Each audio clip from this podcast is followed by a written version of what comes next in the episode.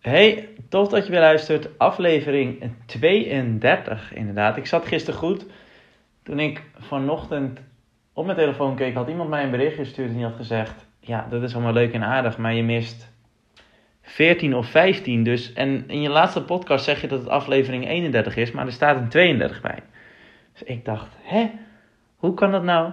Maar goed, maakt niet uit. Tof dat je weer luistert. Ehm, ja, welkom nogmaals bij deze podcast marathon. De hele maand juni, elke werkdag dus een podcast. En zoals ik in de vorige al zei, morgen vrijdag is voor mij geen werkdag. Ehm, dat zal ik je namelijk uitleggen. Misschien heb je het wel eens voorbij zien komen op mijn stories. Ik kom uit het geest en dit weekend altijd met Pinksteren. Tenminste, de laatste paar jaar niet natuurlijk is er een internationaal voetbaltoernooi. Het internationale Cor Groenewegen toernooi. En als klein jongetje was ik daar eigenlijk altijd al bij betrokken. Ik weet nog wel de foto's dat ik ballenjongen was. En dan vond ik altijd heel erg tof om nou, die ballen aan die grote voetbalspelers te kunnen geven. Want ja, er, er komen altijd heel veel vette voetbalclubs. Real Madrid is wel eens geweest. Ehm, Manchester United is wel eens geweest. Palmeiras is er dit jaar bijvoorbeeld uit Brazilië. Um, nou, en er komen gewoon altijd heel veel clubs van, van letterlijk de hele wereld. Zuid-Korea is ook wel eens geweest. Nou goed, dat kan je allemaal opzoeken op internet. Maar ik zat daar dus als klein jongetje heel trots in een FC Geest voetbalshirt aan de zijlijn met een bal in mijn hand. En altijd als de wedstrijden voorbij waren, voornamelijk als de, als de laatste wedstrijden voorbij waren, dan gingen we altijd het veld op. Dus we renden het veld op richting al die grote voetbalspelers. Het is onder 19, maar ja, ik was klein. Dus zij, ze leek altijd heel erg groot en volwassen natuurlijk. En we vroegen altijd of we hun shirts mochten hebben. Of dat we hun voetbalschoenen of schemerschermers, wat dan ook. We wilden iets hebben. Het maakte echt niet uit wat het was als we maar iets kregen. Dus soms kregen we stickers. Dat was ook altijd goed. Later, uh, toen ik 14, 15, 16 was, toen... Er zit namelijk ook een heel feest bij wat super tof is. Um, de hele regio loopt uit. Er staat een grote feesttent. En later nou ja, werd dat natuurlijk heel erg belangrijk. En toen ik later ouder werd, ongeveer een jaar of 18, 19. Ik uh, voetbalde zelf ook altijd bij FC Geest. En FC Geest is geloof ik onder 23. Dus toen ik later zelf nog steeds voetbalde, mocht ik ook aan dit toernooi meedoen. Ik speelde tegen, tegen ja, professionele voetbalclubs. En ik stond daar zelfs op dat veld en dat was altijd heel erg bijzonder. Want als klein jongetje zag ik altijd FC uit Geest en onder andere mijn broer deed ook altijd mee. En ik had het als, als droom om daaraan mee te mogen doen, om zelf in dat team te spelen. En dat gebeurde ook. Toen ik 23 of 24 was dus, mocht ik niet meer meedoen. Ik bleef wel altijd naar de tent gaan, naar de gezelligheid gaan. Ook het Arie Bonkenburg deed, deed ik mee. Dat is op zondag, dat is ja, amateurvoetbal en gewoon heel erg gezellig. En toen op een gegeven moment kwam er een, een berichtje voorbij. Ik had mijn, mijn beste vriend, Mats heet hij. Hij is toernooidirecteur van het ICGT. Dus hij regelt met nog wat andere mensen. Uh, regelt hij de teams. En hij deed het al een tijdje. Zijn vader zit in de organisatie. Zijn andere broertjes ook. En toen op een gegeven moment kwam er een berichtje voorbij van... Hey, is er iemand die misschien wil helpen met de sponsoring of met de PR? En ik dacht, ja, dat wil ik, dat wil ik. En sindsdien mag ik dus bij de organisatie horen. En zo voelt het ook echt. Ik mag bij de organisatie horen. En dat vind ik heel erg vet om te doen. Um, ik zit dus in de sponsoren en in de PR-commissie. En ik heb sowieso eigenlijk mijn hele leven wel vrijwilligerswerk gedaan. Zoals je weet, zoals je ook in de vorige podcast gehoord hebt, heb ik brandwonden opgelopen. Um, dus ik heb collecten gelopen voor de Brandwondenstichting. Dat wilde ik altijd heel erg graag doen. Um, zelfs toen ik jong was, heb ik collecten gelopen voor de Nierstichting. Ging ik altijd met mijn moeder mee, omdat ik dat gewoon leuk vond om te doen. Stond ik daar als klein jongetje met die veel te grote bus natuurlijk in mijn handen. En ik denk ook dat ze mij meer gaven omdat ik gewoon een klein jongetje was. Geen idee of dat echt zo was. Um, maar ja, zo ben ik eigenlijk, eigenlijk ja, opgegroeid met vrijwilligerswerk. En nou, noem het toeval of niet.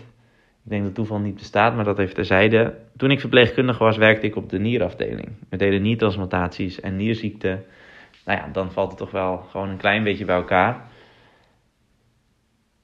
En ja, terwijl ik nog die brandwondenstichting collecte liep, dat weet ik nog heel goed, want dat heb ik geloof ik tot mijn negentiende gedaan. Of, nee, ik heb het uiteindelijk tien jaar gedaan, dus tot en met mijn 21ste. Uh, of misschien heb ik net niet de tien jaar volgemaakt. Maar goed, dat maakt voor de rest ook eigenlijk niet zo uit. Uh, ik organiseerde ook tennistoernooien.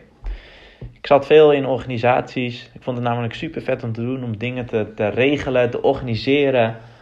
Um, ja, en dingen te faciliteren voor andere mensen. Dus ik zat in tennistoernooien bij mijn eigen tennisvereniging. Uh, de DOG. Momenteel ben ik in het geest en ik wijs, maar dat zien jullie natuurlijk helemaal niet. Uh, ik organiseerde de clubkampioenschappen. Ik mocht de Open Dog Jeugd organiseren. Dus ja, ik plande altijd alle wedstrijden in. En ik was wedstrijdleider. Um, zeker met, nou, eigenlijk met al die toernooien deed ik dat. Lekker puzzelen. Ik vond het heerlijk. Ik vond het fantastisch. En ja, ook daar was ik gewoon heel erg blij en trots dat ik daarbij mocht horen altijd. En later heb ik nog een keer een. Dat was een wereldrecord. Een wereldrecordpoging dubbelspel. Namelijk 62 uur achter elkaar uh, dubbelen, tennissen. En toen was ik de activiteitencoördinator. En dat hield in dat iedereen organiseerde zijn eigen activiteit. Maar ik was uiteindelijk een beetje de spin in het web. En ik zorgde dat alles geregeld was. Nou, het hele weekend weinig slapen, veel aanwezig zijn. Super vet. Dus je denkt misschien: oké, die jongen die heeft wel eens wat vaker dingen georganiseerd. Nou, dat heb ik dus ook. En dat vind ik ook gewoon fantastisch leuk. Dus dat ga ik dit weekend doen. En dat is ook de reden waarom ik morgen geen podcast opneem. En dan geef ik graag wat ja, wat tijd voor weg. Of daar maak ik heel graag wat tijd voor vrij. Omdat ik, ik vind het heel erg mooi om dingen terug te geven. Om mensen ja, blij te maken sowieso. Om dingen te faciliteren waar mensen zich, ja, waar mensen zich um, blijer door voelen. Um, en tegelijkertijd, en dat is ook waarom deze podcast ja, heet zoals hij heet uh, is namelijk dat vrijwilligerswerk het moeilijkste werk is ter wereld dat er maar is. En dat weet ik, dat durf ik te zeggen, omdat ik dus al in al die commissies en organisaties al gezeten heb. En omdat er echt een rode draad doorheen loopt, die ik heel vaak heb zien en horen gebeuren, en die gelukkig nog niet bij mezelf gebeurd is. Um, maar ja, die rode draad is namelijk dat er door al die jaren heen in al de commissies, organisaties, altijd mensen zijn, altijd vrijwilligers zijn die, niet zich, die zich niet gewaardeerd of gehoord of gezien voelden.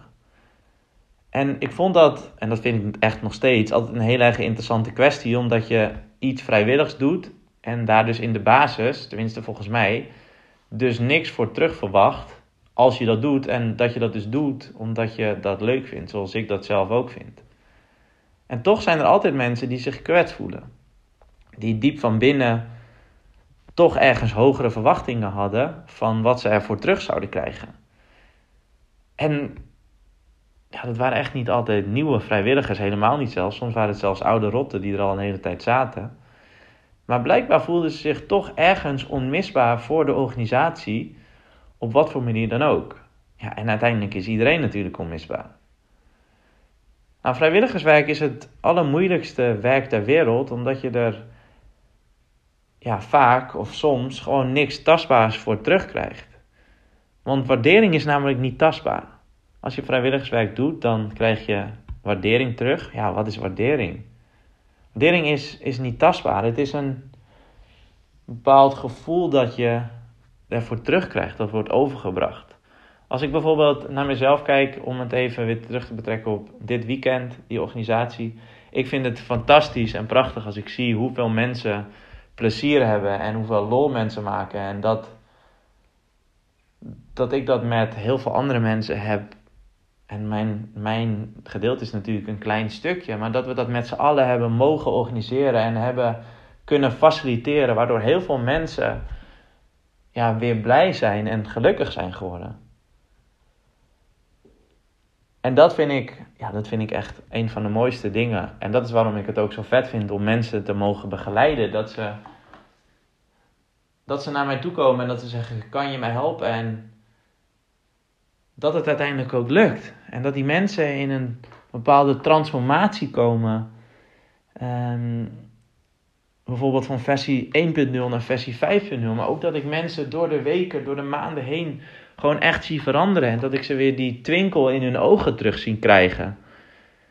En dat ze door moeilijke tijden heen zijn gegaan. En dat ze, ja, dat ze soms huilen. En dat ze, ja, ik vind het echt fantastisch. Ik vind het echt, echt werkelijk waar, vind ik het prachtig. Maar nog even terug naar, dat, naar, dat, naar die waardering, naar die vrijwilligerswerk. Dat is vaak zo moeilijk, omdat waardering is dus niet tastbaar. En het is een gevoel dat wordt overgebracht. En ja, ik durf deze uitspraak wel te doen. Dit, altijd zijn het mensen, en dat weet je natuurlijk vaak niet, maar het zijn altijd mensen, en uiteindelijk kom je dat ook niet te weten, maar die mensen hebben altijd iets in zich dat zich niet gewaardeerd of gehoord of gezien voelt. En daar zijn ze zich op dat moment niet bewust van. Dus als je dat zo hoort, hoe denk je dan dat je reageert als je een tijd lang vrijwilligerswerk doet en daar niks tastbaars voor terugkrijgt als waardering voor al jouw harde werk, als, als je dat blijkbaar nodig hebt? Denk bijvoorbeeld maar eens terug aan de zorgbonussen. Al die zorgbonussen die je gehad hebt, uh, allemaal super mooi, super vet. Geld is fijn. Maar ja, ik weet zeker dat je je in het begin gewaardeerd voelde en later niet meer. Want die zorgbonussen die waren natuurlijk heel erg leuk. Maar ja, kan een beetje geld dat letterlijk afdekken, dat twee jaar lang fucking hard werken, met je poten in de modder, in de modder staan? Kan dat? Ik geloof het niet. Ik geloof dat die zorgbonus alleen maar een pleister op, op een hele grote wond was, die voor een tijdje uh, is afgedekt uiteindelijk. En wat me zo frustreert, en daar ga ik echt nog een andere aparte podcast opnemen, maar ik heb het afgelopen week op LinkedIn en in mijn nieuwsbrief gezet. Wat me zo frustreert is dat, dat er dan nu een commissie is die adviseert om verpleegkundigen meer te laten werken. En ook daar is een, heb ik een podcast over, uh, maar ik ga hem echt nog veel uitgebreider maken. Want namelijk in plaats van jou als verzorger of als verpleegkundige meer te gaan waarderen en te zeggen: hey, fantastisch gewerkt, echt, het was echt verschrikkelijk. Um, maar we zijn blij met je en bedankt. Bedankt dat je er bent. In plaats van in plaats daarvan, in plaats van jou extra te belonen, verliefd voor je te zijn, vriendelijk te zijn, extra te laten begeleiden, persoonlijke ontwikkeling, zeggen ze nu tegen jou: we moeten zorg inhalen, we moeten productie blijven draaien en de kwaliteit van zorg mag bovendien niet omlaag gaan.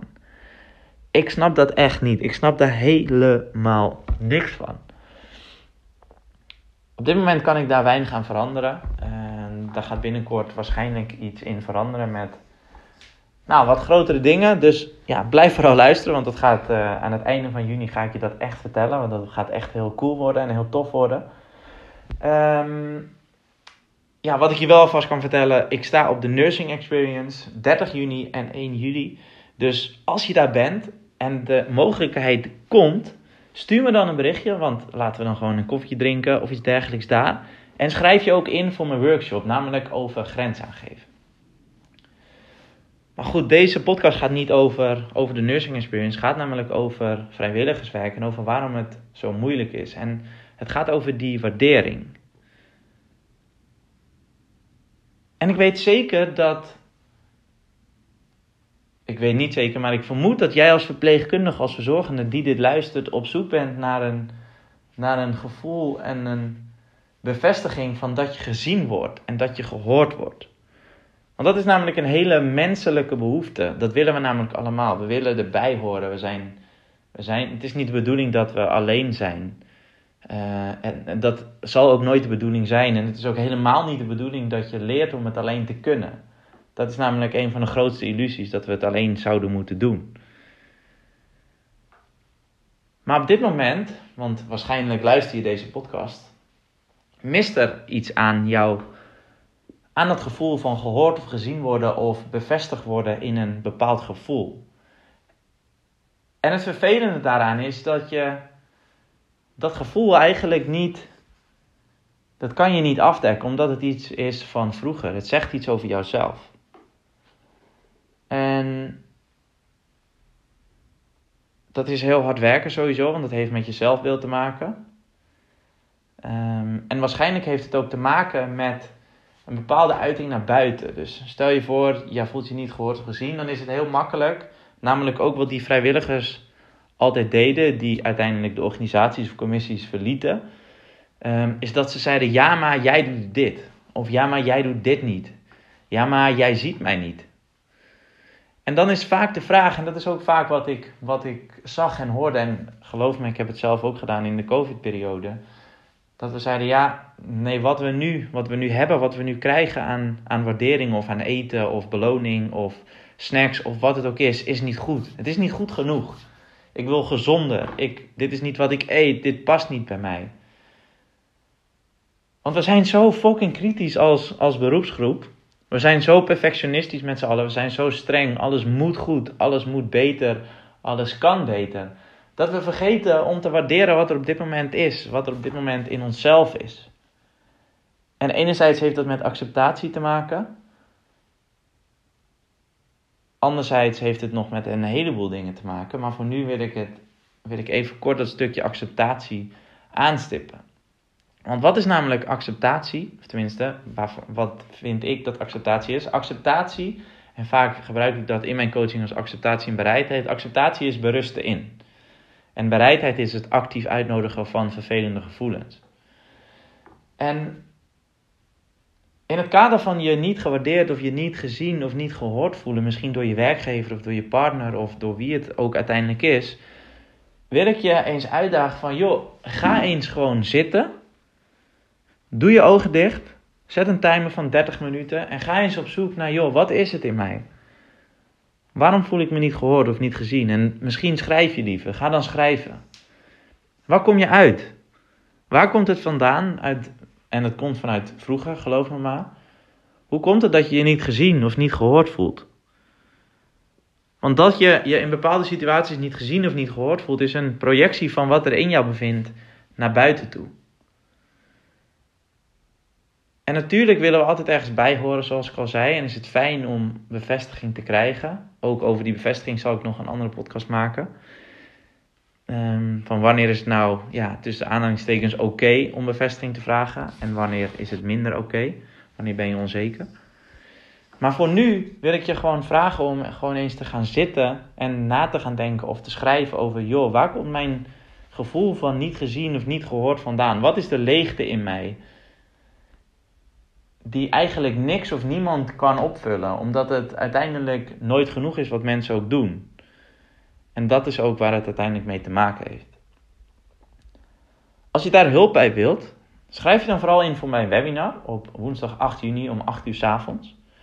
Daar gaat het sowieso over dit onderwerp. Ik ga je helpen met hele simpele, concrete tips waar je mee mag stoppen. Ehm, wat het precies is, waarom je het moeilijk vindt om ja, voor jezelf te kiezen om dus daadwerkelijk op je kont te gaan zitten. Want als ik dit tegen je zeg, dan denk je misschien, ja, de groete, dat gaan we niet doen. Dat kan ik helemaal niet, stilzitten. Dus daar ga ik je mee helpen. Daar kan ik je bij helpen en dat wil ik ook heel graag. Ehm, dus ik zie je heel, of ik zie, jij ziet mij eigenlijk alleen in dat webinar. Ik spreek je heel graag in dat webinar op woensdag 8 juni om 8 uur s avonds. Inclusief replay, dus als je niet bij kan zijn, schrijf je alsnog gewoon in. Uh, want dan krijg je hem automatisch opgestuurd. Ik zet een link in de show notes www.thomasgroen.nl slash webinar-zorgverleners. Dus zes stappen uh, voor revolutionair verpleegkundig en persoonlijk leiderschap. Voor nu heel erg bedankt voor het luisteren. Morgen dus geen podcast nogmaals. Um, nog even terugkomend op het stukje wat op mijn story stond een van mijn klanten zei: uh, Mooie eerste podcast van je marathon. En ik zie je vrijdag. Wat ik dus heel erg leuk vind ook om te doen, is mijn klanten gewoon af en toe ontmoeten. Als dat natuurlijk kan, als het mogelijk is. Sommige klanten wonen in Brabant en dan is het soms gewoon lastig. Um, maar zij woont dichtbij, dus we gaan vrijdag gewoon lekker samen een biertje drinken. Uh, ja, en dat vind ik gewoon, uh, ook dat vind ik onwijs leuk om te doen.